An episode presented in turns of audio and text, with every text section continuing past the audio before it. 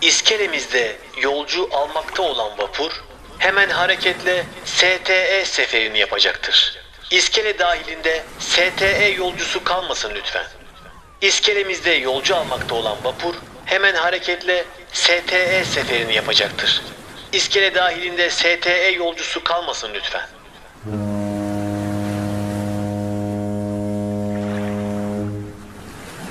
Vapurumuz hareket etmiştir. Lütfen acele etmeyiniz.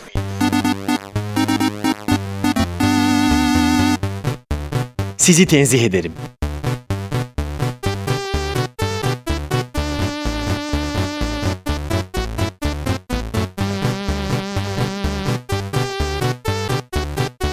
Gölgesinden korkan bir radyo programı.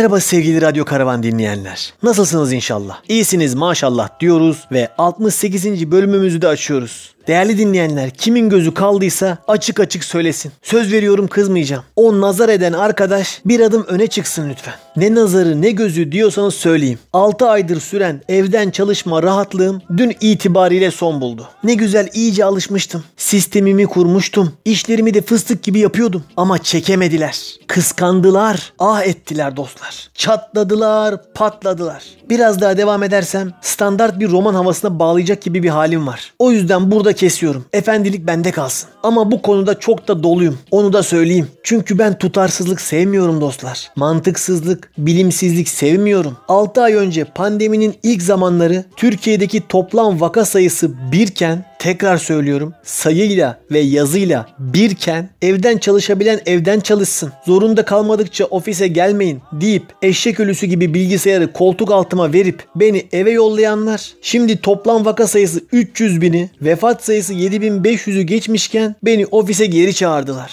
Bu programdaki en komik cümleyi az önce duydunuz. Ben bundan daha komiğini yapamam. Ya bu hangi mantık Allah aşkına ya? Biri bana açıklasın. Vaka sayısı birken büyük bir korkuyla eve yolluyorsun. 300 bin olunca geri çağırıyorsun. Hem de her şey yolunda giderken, işler hiçbir şekilde aksamıyorken. İşte diyorum ya, çekemediler dostlar. Mutluluğumu, rahatlığımı kıskandılar. İster istemez 6 ay önceki günleri hatırladım. Ben bilgisayarı eve taşırken yollar, metrobüsler, otobüsler ne biçim bomboştu. Millet nasıl korkuyordu. Sabunu sabunla yıkıyorduk. Markete giderken evdekilerle helalleşiyorduk. Ama insanoğlu böyle işte. Her şeye, her duruma hemen alışıyor. Bilemiyorum belki de doğrusu budur. Böyle olması gerekiyordur. Ama bana çok mantıksız geliyor. Bir yandan da tekrar işin sıkı tutulacağına, kısıtlamaların tekrar geleceğine dair açıklamalar yapılıyor. Peki bu bize neyi gösteriyor? Ben söyleyeyim. Bu açıklamalarda turizm sezonunun bittiğini gösteriyor. Kalkınan kalkındı. Virüsü yayan yaydı. Şimdi havalar soğuduğuna göre tekrar evlerimize çekilebiliriz. Mayıs ortası gibi yaz sezonu açılınca tekrar gevşeriz. Ülkede herkesin kafası karışık. Okullar, maçlar, konserler, etkinlikler, açılışlar, düğünler, mesailer kimse ne olduğunu, ne olacağını, ne yapacağını tam bilemiyor. Her şey çok hızlı değişiyor. Takip etmek çok zor. O yüzden en güzeli hiç takip etmemek. Aşı bulununcaya kadar rahat yüzü görmeyeceğiz. Belli oldu. Bilim insanlarına dua edin de aşıyı bir an önce bulsunlar. Yalnız o kadar olay yaşandı. Süreçler, dinamikler değişti. Değişmeyen tek şey Instagram'da her fotoğrafın altına sosyal mesafe uyarısı yapan adam oldu. O adam hiç değişmedi. Bıkmadan, usanmadan maskesiz, fiziksel mesafesiz insanların özellikle ünlülerin fotoğraflarının altına hani nerede sosyal mesafeniz? Hani nerede maskeniz? Peki ya sosyal mesafe? Soru işareti. Yazmaktan bıkmadı, usanmadı. Buradan bizi dinliyorsa ona seslenmek istiyorum. Uymayacaklar abi sosyal mesafeye. Anla artık bunu. Hele ki bu fotoğraf tatil fotoğrafıysa sen çatlasan da patlasan da o insanlar senin hayalindeki gibi maskeli ve 2 metre aralıkta durmayacaklar. Hem zaten öyle poz verecek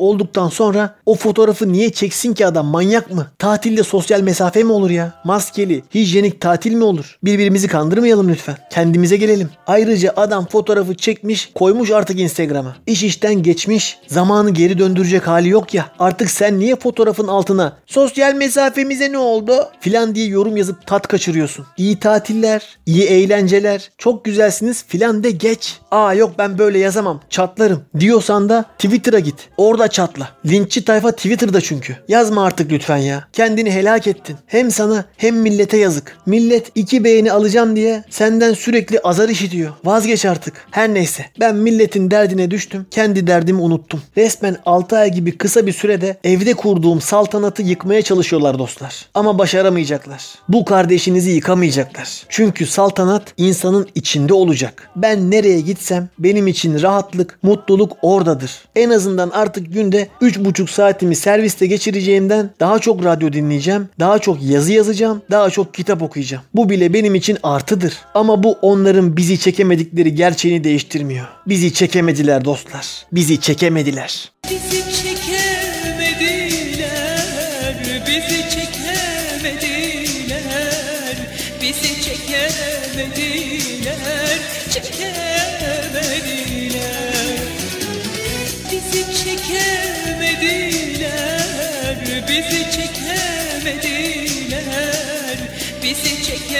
çekemediler, çekemediler.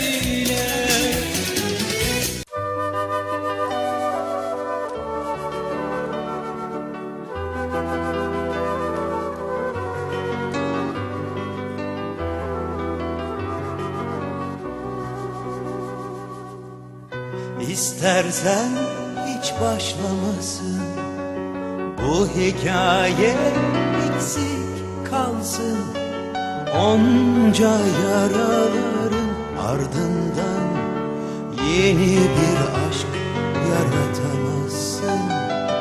Yeni bir aşk yaratamazsın. İstersen hiç başlamasın. Bu hikaye eksik kalsın.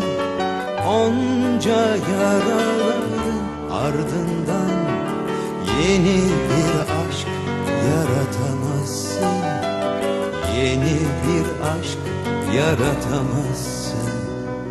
Örselenmiş bir çocukluk. İşte benim bütün hikayem. Kaç sevda geçse de yüreğimden Bu yıkıntıları onaramazsın İstersen hiç başlamasın. Geç kalmışız birbirimize. Yanlış kapılarla geçmiş bunca yıl Dönemeyiz artık ilk gençliğimize. İstersen hiç başlamasın. İstersen hiç başlamasın Söz verelim kendimize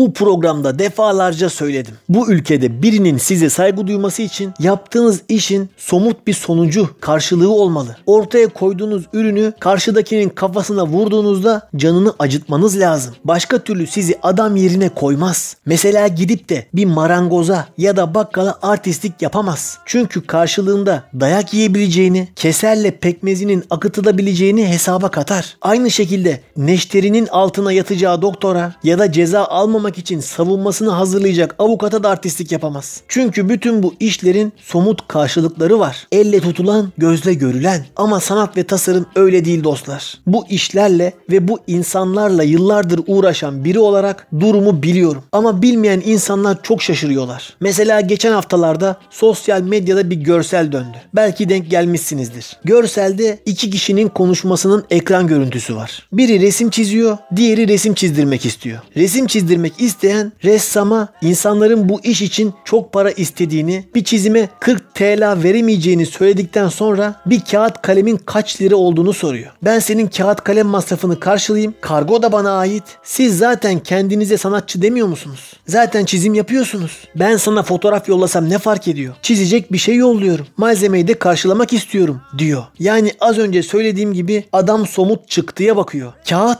ve kalem. Tabii insanlar bu konuşmayı görünce haklı olarak çok büyük tepkiler gösterdiler. Ama ben yıllardır mevzuyu bildiğim için hiç şaşırmadım. Çünkü ülkemizde sanat, sanatçı, tasarım, tasarımcı gibi kavramları insanlara anlatmaya çalışmak doğrudan intihar sebebi olabilir. O yüzden ben he he deyip geçmeyi tercih ediyorum. İnsanlara doğrusunu anlatmayı 15 sene önce bıraktım. Ne halleri varsa görsünler ya onlarla mı uğraşacağım? Geçen gün internette gezerken bu işlerin menbaına düştüm. Ben yıllardır millet hiç illüstrasyon, animasyon, seslendirme, jingle, tasarım işi yaptırmıyor ya diye düşünüyordum. Meğerse deli gibi yaptırıyorlarmış. Sadece para vermiyorlarmış. Bu sitedeki iş ilanlarına ve tekliflere ben bile inanmakta zorlandım dostlar. Nasıl anlatacağımı da bilemediğimden size birkaç tane ilanı doğrudan okumak istiyorum. Bir tane ilan başlığı şöyle. Profesyonel logo tasarımı. Altında şunlar yazıyor. Yeni kurduğum harita mühendisliği ofisim için özgün ve yaratıcı bir logoya ihtiyacım var. İşe alacak kişi ilk önce bir alternatif logo çizip bizi tatmin etmeli. Profesyonel bir logoya ihtiyacım var. Bu işi yapamayacaklar yazmasın lütfen. Süre çok acil. Detaylı portfolyosu olmayanlar, bu konuda uzman olmayanlar lütfen teklif vermesin. Teslim süresi birkaç gün içinde. Tahmini bütçe 30 TL. Evet dostlar maalesef doğru. Üstelik bu 30 liranın %20'si de komisyon olarak kesiliyor. Ama asıl düşündürücü olan bu ilana başvuran insan sayısı 95. Başka bir ilanın başlığı da şöyle. Kendine güvenen gelsin. İçeriği okuyorum. Event Risk Management şirketimiz için global, kurumsal, sade, şık ve her yerde kullanılabilecek bir logo istiyoruz. Renk ve font kısmında sınırsız revizyon sağlayabilecek arkadaşlar iletişime geçsin. Ayrıca başvuru sırasında referanslarınızı da belirtiniz. Süre birkaç gün. Tahmini bütçe 50 TL. Adam 50 liraya logo yaptırıyor. Bir de utanmadan referans istiyor. Çok acayip. Ekte örnek logolar yolluyorum. Bu tarz logolar istiyoruz demiş. Apple ve Nike'ın logosunu koymuş. Fazla değişik kafalar. Bir diğer ilan baştan kokmuş. Çünkü ilanın başlığı şöyle. Depuke yapılacak. Adamın demek istediği şey dekupe. Dekupe yapmak diye bir şey var. Onu demeye çalışıyor garibim. Adam daha dekupe yazamıyor. Depuke yapacak. İşinin ehli, portfolyosu sağlam arkadaş arıyor. Bütçesi de 10 TL. Bir başkası da daha ilanı verirken çemkirmeye başlamış. Güzellik salonumuza monogram şeklinde logo istiyoruz. Parantez içinde sakın bana monogram nedir diye sormayın. Google orada duruyor. Bir zahmet araştırıp bulun. Zaten bilmeyen de hiç başvurmasın. Filan diye durduk yere kendi kendine atarlanmış. Bütçe ne kadar? Bütçe 20 TL. Ya daha neler neler. Akşam pazarı gibi. 1000 kelimeyi 30 liraya seslendirtmek isteyen, 70 liraya animasyon, 35 liraya jingle yaptırmak isteyen. Acayip bir ortam var. Tasarım dünyasının karanlık dehlizleri. Gettoları gibi. Her ilana da hatrı sayılır sayıda insan başvuruyor. İnsan kime ne söyleyeceğini, hangi duyguları hissedeceğini bilemiyor dostlar. O yüzden en güzeli he he deyip geçmek. Deep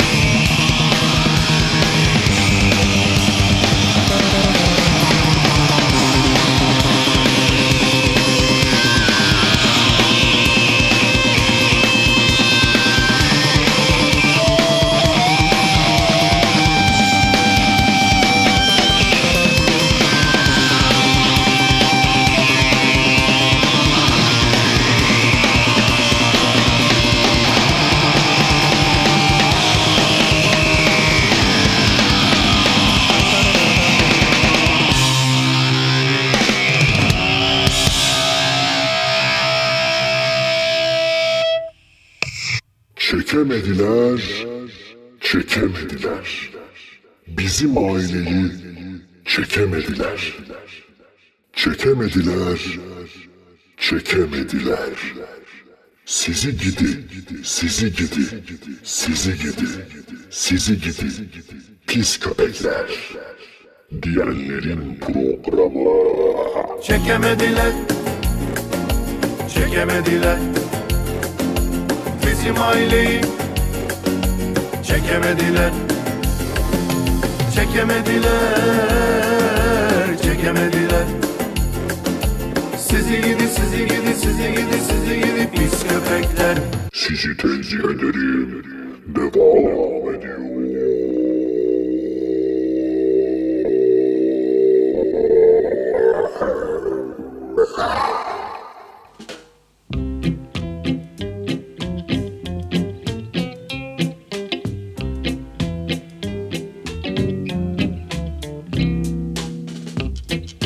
Yurt dışında görüyoruz. Ne güzel sokak ressamları var. Oturuyorlar insanların portrelerini çiziyorlar. Bazen çizdiklerini benzetiyorlar, bazen benzetemiyorlar. Benzetemedikleri zaman ben sanki kendim benzetememiş gibi yerin dibine giriyorum. Bana ne oluyorsa. Yeteneği daha sınırlı olanlar deforme etmek gibi süslü bahanelerle karikatür portrelere yöneliyorlar. Sonuç olarak herkes bir şekilde yolunu buluyor. Ekmeğini kazanıyor. Üstelik bu kazanılan ekmek euro üzerinden olduğundan bizim ekmeğimize göre 9 kat daha lezzetli oluyor. 9 kat tat. Bu güzel iş bizim ülkemizde neden olmasın ki? Üstelik İstanbul gibi kozmopolit bir kentin Kadıköy gibi ilerici bir semtinde. Askerliğinin başlamasıyla askerin de kendiyle hesaplaşması başlar dostlar. Ben kimim? Ne yapıyorum? Ne yapacağım? Hayat amacım ne? Gibi soruların cevapları en güzel mıntıka temizliğinde verilir. Bu süreç sonunda tezkereyle beraber yeni kararlar da alınır. Bende de öyle oldu. Kimsenin altında çalışmadan özgür olarak ve sevdiğim şeyleri yaparak hayatımı devam ettirmek istediğime karar verdim. Sevdiğim şeylerse resim ve müzikti. Bunların arasında kısa vadede en hızlı para kazandıracak şey portre çizmekti.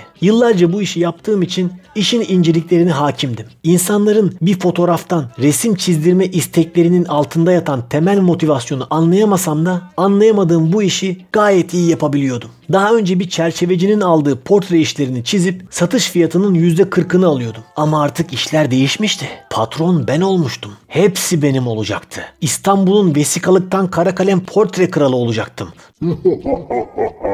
Kadıköy'ün göbeğinde bir pasajın içinde eski bir arkadaşımın boşaltmak üzere olduğu küçücük bir dükkana yerleştim. Şövalye ve taburemi de pasajın önündeki ağacın altına koydum. Elinde çizilecek iş olmadığından daha önceden çizmiş olduğum güzel bir portreyi önüme koyup sanki çiziyormuş gibi yapmaya başladım. Bu performansımla çizerek playback yapan ilk insan oldum. Halkın ilgisi çok yoğundu. Ama bu ilginin sebebi kara kalem portreye duydukları açlık değil, onaylanma isteğiydi. Halkımız sanata değil, ilgiye açtı. Bu ihtiyaçlarını da benim üzerimden karşılıyorlardı. Beni sokakta resim yaparken gören herkes ben de çiziyorum. Okulda hep bana çizdirirlerdi. Benim resmim çok iyiydi ama çalışmak zorundaydım. Ailemi geçindirmek için resmi bıraktım gibi cümlelerle cep telefonlarından yıllar önce yaptıkları dandik resimleri gösteriyorlardı. Kendilerinde yetenek olmayanlarsa başkasının yeteneğiyle gerdeğe girmeyi tercih edip bizim amcaoğlu var ya atın aynısını çizer gibi örneklerle kendini bir şey sanma havalara girme artist demeye getiriyorlardı. Baktım bu iş böyle olmayacak hemen eşyaları toplayıp pasaj içindeki dükkana kaçtım. Bu sefer de pasajdakilerin tacizleri başladı.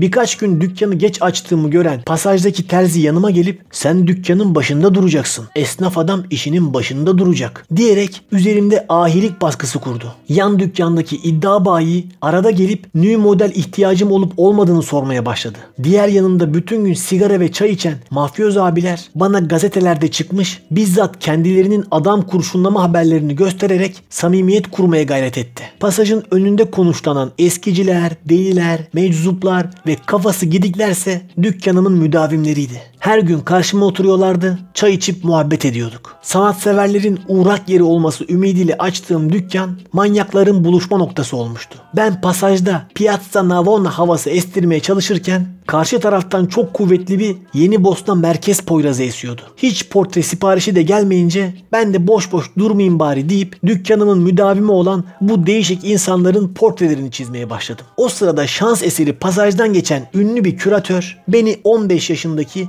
mavi önlüklü eskicinin resmini çizerken gördü. Bir süre vitrinin dışından inceleyip içeri girdi. Çizgimi çok beğendiğini, tam olarak ne yaptığımı sordu. Ben de ona bütün hikayeyi anlattım. Çok etkilendi ve iki ay sonra Kadıköy'ün Görünmeyen Yüzleri isimli sergiyi onun küratörlüğünde Nişantaşı'nın en önemli galerilerinden birinde açtık. Sanatseverlerin tepkisi muazzamdı. Şaka lan şaka. Dükkan iş yapmayınca kapattım ben orayı. Sonra sigortalı bir işe girip evlendim.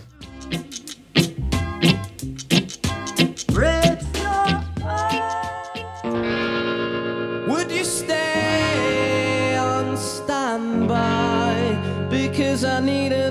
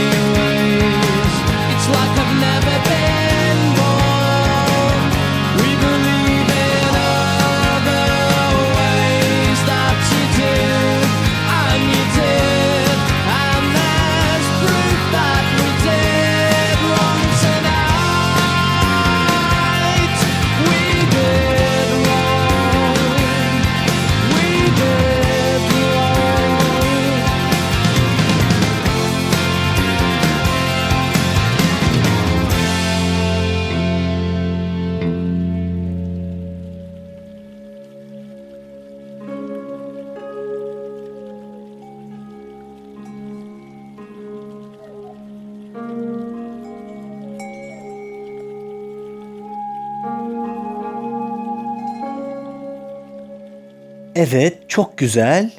Sağ ayağın havadayken şimdi sol ayağını da yavaşça yukarı kaldır. Evet, oluyor. İşte böyle. Biraz daha kaldır. Tamam. İşte oldu. Bak uçuyorsun gördün mü? İşte uçmak bu kadar kolay. Ah dostlar siz mi geldiniz? Geldiğinizi fark etmemişim. Ben de tam Zoom üzerinden bir danışanıma meditasyon ve astral seyahat dersi veriyordum. Seansın sonunda da yerden yükselme çalışması yaptık. Uçtu gitti kendisi semaya. 14 seansta uçuruyorum ben. Söylemiş miydim? Seanslarımız garantilidir. Başka yerde şubemiz yoktur. Bu arada yeri gelmişken söyleyeyim, başka yerde şubemiz yoktur demek yanlış bir kullanım. Zaten şube başka yerde olur. Onun doğrusu şubemiz yoktur demektir. Gördüğünüz gibi sizleri yalnızca kişisel geliştirmekle kalmıyoruz, Türkçelerinizi de geliştiriyoruz. Dil gelişmeden ruh gelişmez. Maşallah bize. Görmeyeli nasılsınız gelişim sevdalıları? Gelişiyor muyuz? Artık havalar soğuyor. Bu mevsimde daha iyi gelişirsiniz. Karpuz sıcakta, insan soğukta gelişir. Bugün filozofluğum üzerimde.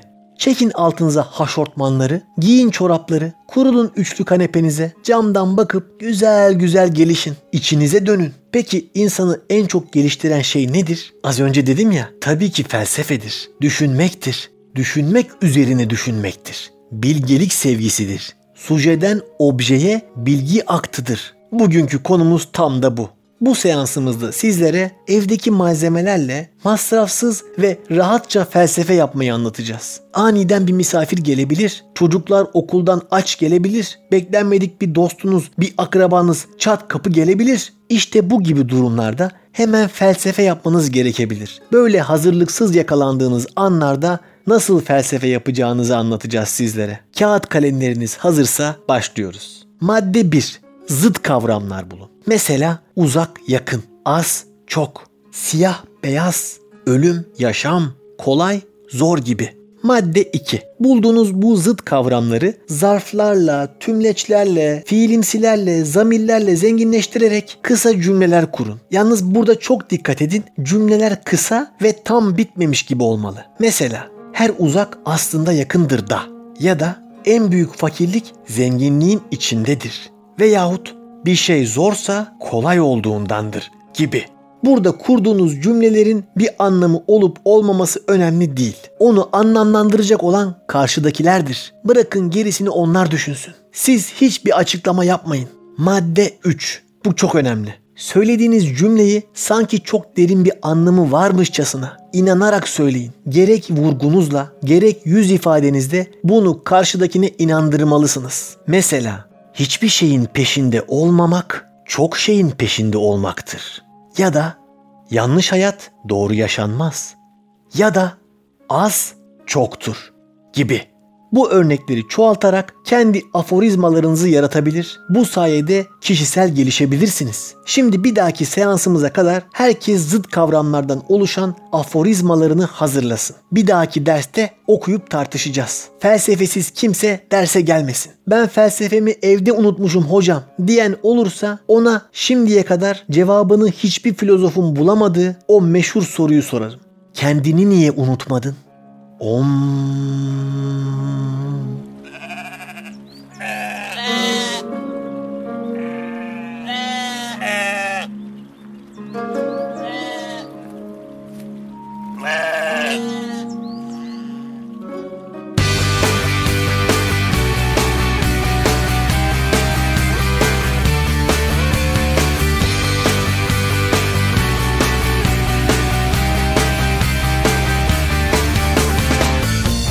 done the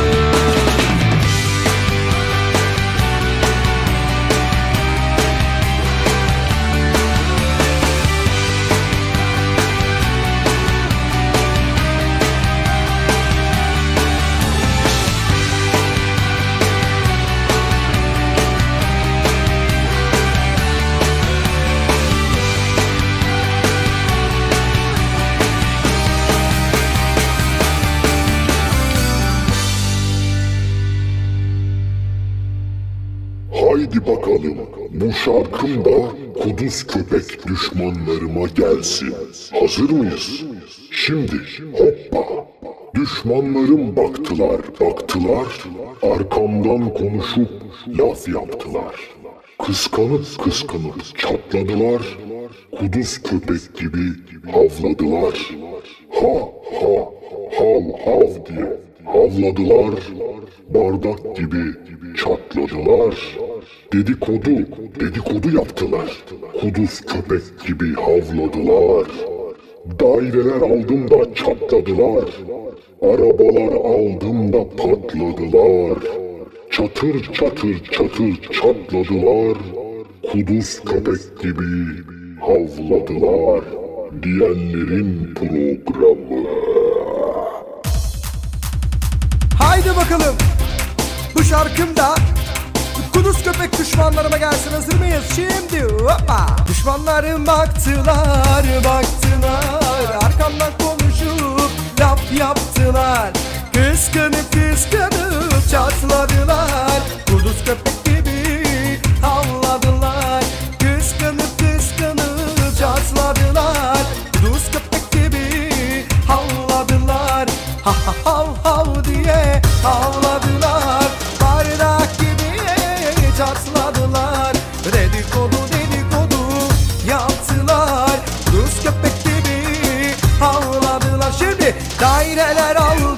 çatladılar Arabalar aldım da patladılar Çatır çatır çatır çatladılar Rus köpek gibi havladılar Sizi tenzih ederim. Devam ediyor.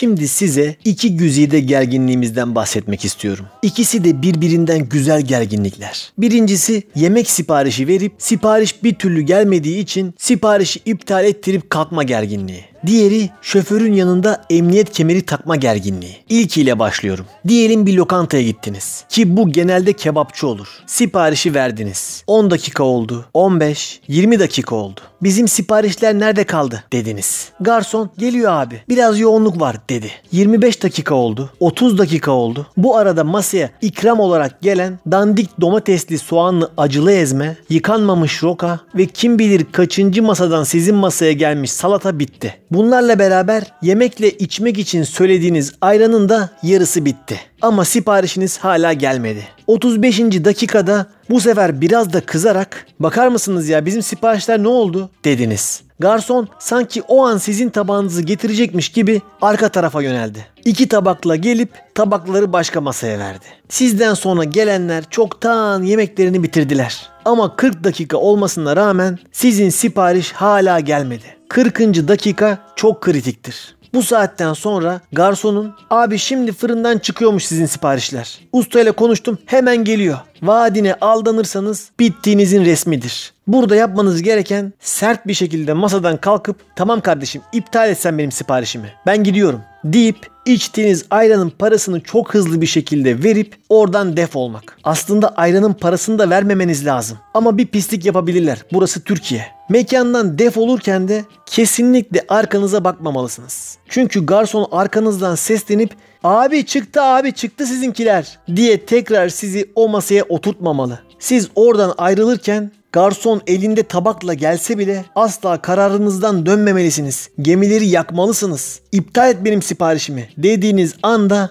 artık orasıyla ilişkinizi kesmelisiniz. Kimi zaman bu çok sancılı bir süreçtir. Özellikle yanında sevgilisi olan genç erkekler için çok zor bir durumdur. En ufak bir hata karizmanızı yerle bir eder. Ben nice yarı yoldan dönüp tekrar masaya oturan ya da geç gelen yemeği paket yaptırmak zorunda kalan koç yiğitler gördüm. Burada çelik gibi sinirleriniz olacak. Siparişi iptal et dediğinizde asla arkaya bakmayacaksınız. İkinci gerginliğimiz şoförün yanında kemer takma gerginliği demiştik. Bizim ülkede şoförün yanında kemer taktığınızda sanki onun şoförlüğüne dolaylı yoldan da kişiliğine hakaret ediyormuşsunuz gibi bir algı oluşur. Sen kimsin de benim kullandığım araçta kemer takıyorsun bire deyus Baskısı üstünüze karabasan gibi çöker. Bu minibüs, dolmuş ya da taksi şoförü olabilir. Bu durumda da yapmanız gereken şu. Araca biner binmez kemeri tez canlı gibi takmayacaksınız. Aracın sola dönmesini ya da şoförün telefonla konuşmasını filan bekleyeceksiniz. Sanki sağ tarafta bir binaya bakıyormuş gibi iyice sağa döndükten sonra sanki öksürüyormuş gibi öne doğru kapanıp çaktırmadan kemeri şırak diye tek seferde takmanız gerekiyor.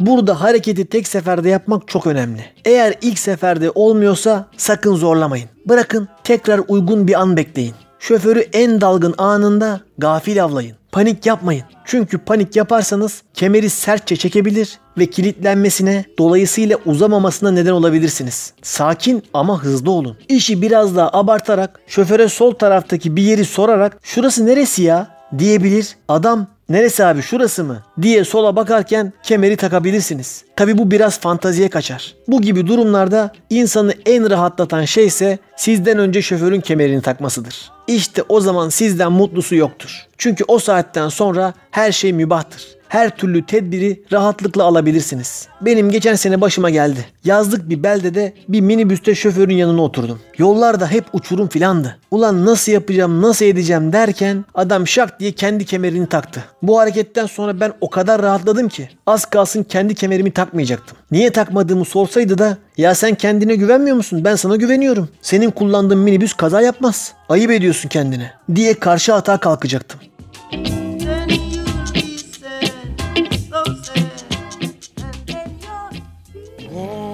Feed me up when I'm weary.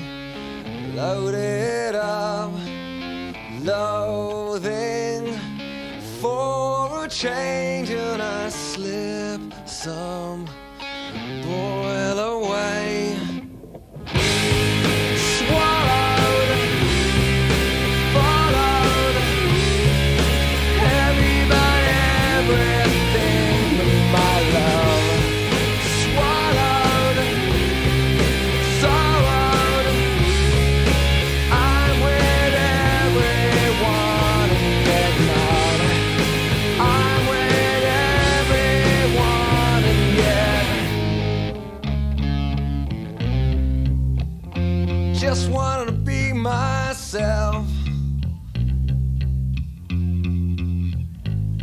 Hey, you said you would love to try some.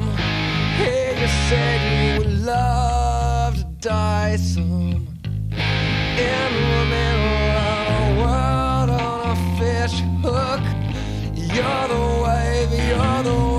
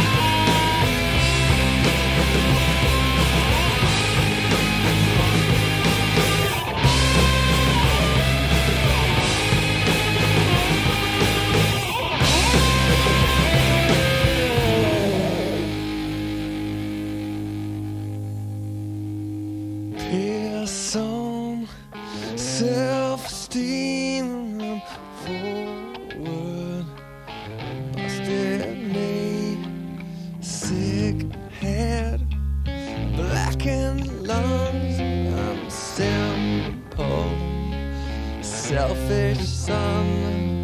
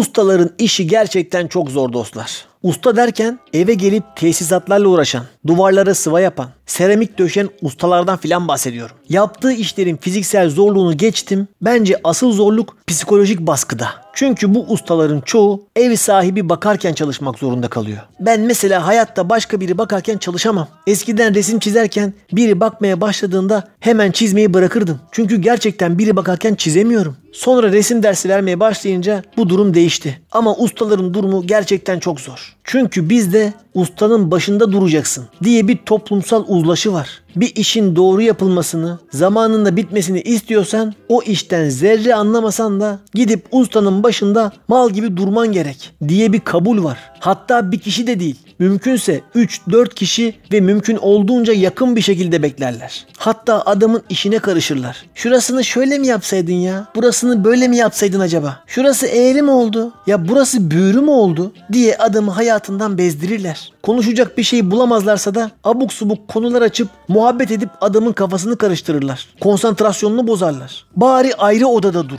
Yok illa adamın ağzının içine girecek. Adam orada elektrikli testereyle kalorifer borusu kesiyor. Her yere kıvılcımlar sıçrıyor. Ev sahibi eğilip kafasını kalorifer peteğinin içine sokmaya çalışıyor. Manyak mısın hemşerim? Zorun ne? Ben usta olsam çok pis kavga çıkarırdım. Beni izlemeyin. Ben başkası bakarken çalışamıyorum derdim. Usta olmam duygularımın olmadığı anlamına gelmiyor. Ben duyguları olan, gitgelleri olan, hassas bir ustayım. Lütfen çalışma alanımda beni rahat bırakın. Konsantre olamıyorum. İşime odaklanamıyorum derdim. 150 lira verdin diye beni satın mı aldın? Bu ne çeşit bir taciz? Ben gelip seni iş yerinde izlesem olur mu? Lütfen dışarı çıkar mısın şimdi? Derdim. Eğer bakmaya devam ederse de ne bakıyorsun a- koyayım ayı mı oynuyor? Bakmasana Tamam.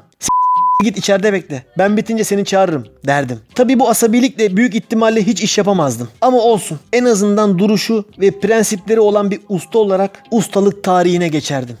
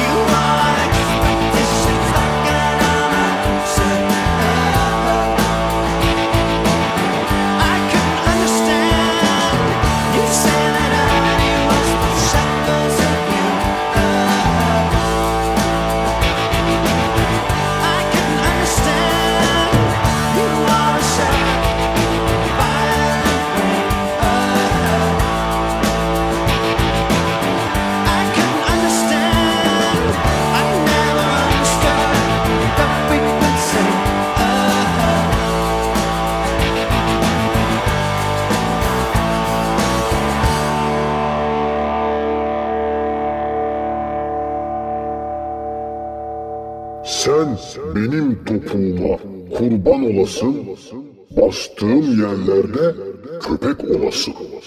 Havlama arkamdan, hav, hav, hav, zıplama arkamdan. Hoşt, hoşt, hoşt, diyenlerin programı.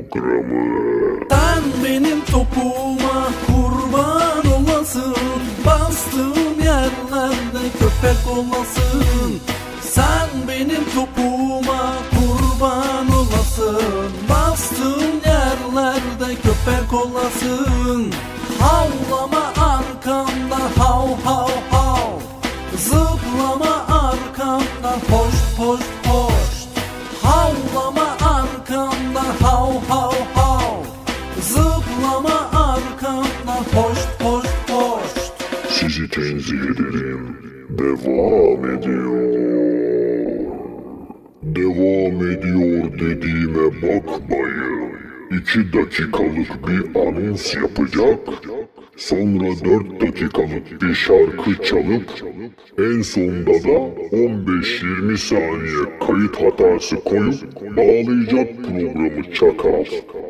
Biz çok gördük böylelerini. Beni de alet ediyor üçkağıtçılığına. Böyle bir kurnazdan bahsediyoruz. Hayırdır birader? Darbe mi yaptın programa? Ne oluyor? Yok abi ne darbesi. Ben darbelere karşıyım. E peki ne bu rezillik? Dinleyiciyle yüz göz olmalar filan. Ne oluyor burada ya? Yok çakallık yapıyormuşum da program aslında devam etmeyecekmiş de hemen bitecekmiş de ne oluyor ya? Kendine gel. Herkes haddini bilecek. Yok abi sen yanlış anladın beni. Öyle bir şey demek istemedim ben. Hadi canım sen de. Hem sen ne ayaksın ya? Kaç bölümdür? Tuhaf tuhaf şarkılar çalıyorsun. Yok şöyle diyenlerin programı, yok böyle diyenlerin programı. Sen inanıyor musun bir kere bizim dinleyicinin böyle şeyler söyleyebileceğine? Niye söylemesin abi? Sonuçta bunlar güzide eserlerimiz. Ya bırak ne eseriymiş. Ver bakayım sen şu elindeki kağıtları ver ver. Ver bakayım. Ver bırak. Lan bırak. Lan bıraksana. Dur abi sakin ol. Başlatma lan abine. Ne yazıyor burada? Heh, ne bu şimdi? Sen benim topuğuma kurban olasın, bastığım yerlerde köpek olasın. Bu ne oğlum? Senin bizim dinleyicinin kim olduğuna haberin var mı? Sen bizi kimler dinliyor biliyor musun? Ne doktorlar, ne mühendisler, ne akademisyenler dinliyor bizi. Böyle bir şey söylerler mi sence? Sen nerede yaşıyorsun oğlum? Senin kafan mı güzel? Yok abi ne kafası ben sigara bile içmem. Bak seni son kez uyarıyorum. Bir daha böyle bir rezillik istemiyorum programda. Vallahi koyarım kapının önüne. Tamam mı? Tamam abi kusura bakma. Ama sen de biraz sakin ol. Sus lan ne sakinliği. Hadi işine bak. Ah tüh hay Allah sayın dinleyenler. Ne güzel daha programa devam edecektik ama bu gereksiz konuşmalarla bir programımızın daha sonuna gelmiş olduk. Neyse gelecek program telafi ederiz. Bir dahaki programda görüşmek üzere. Hoşça kalın. Şimdi de böyle doldurdu programın sonunu çakal. Bak hala konuşuyor ya. Siktir git.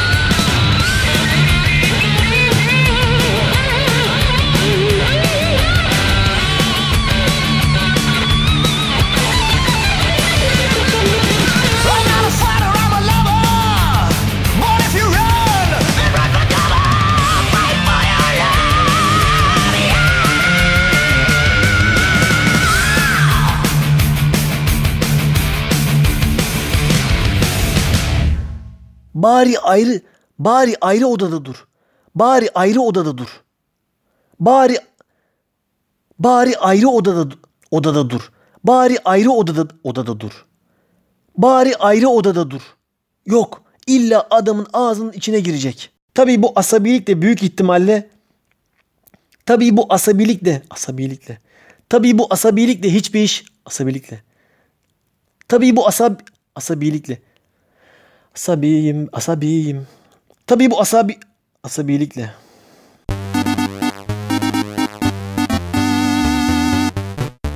Sizi tenzih ederim.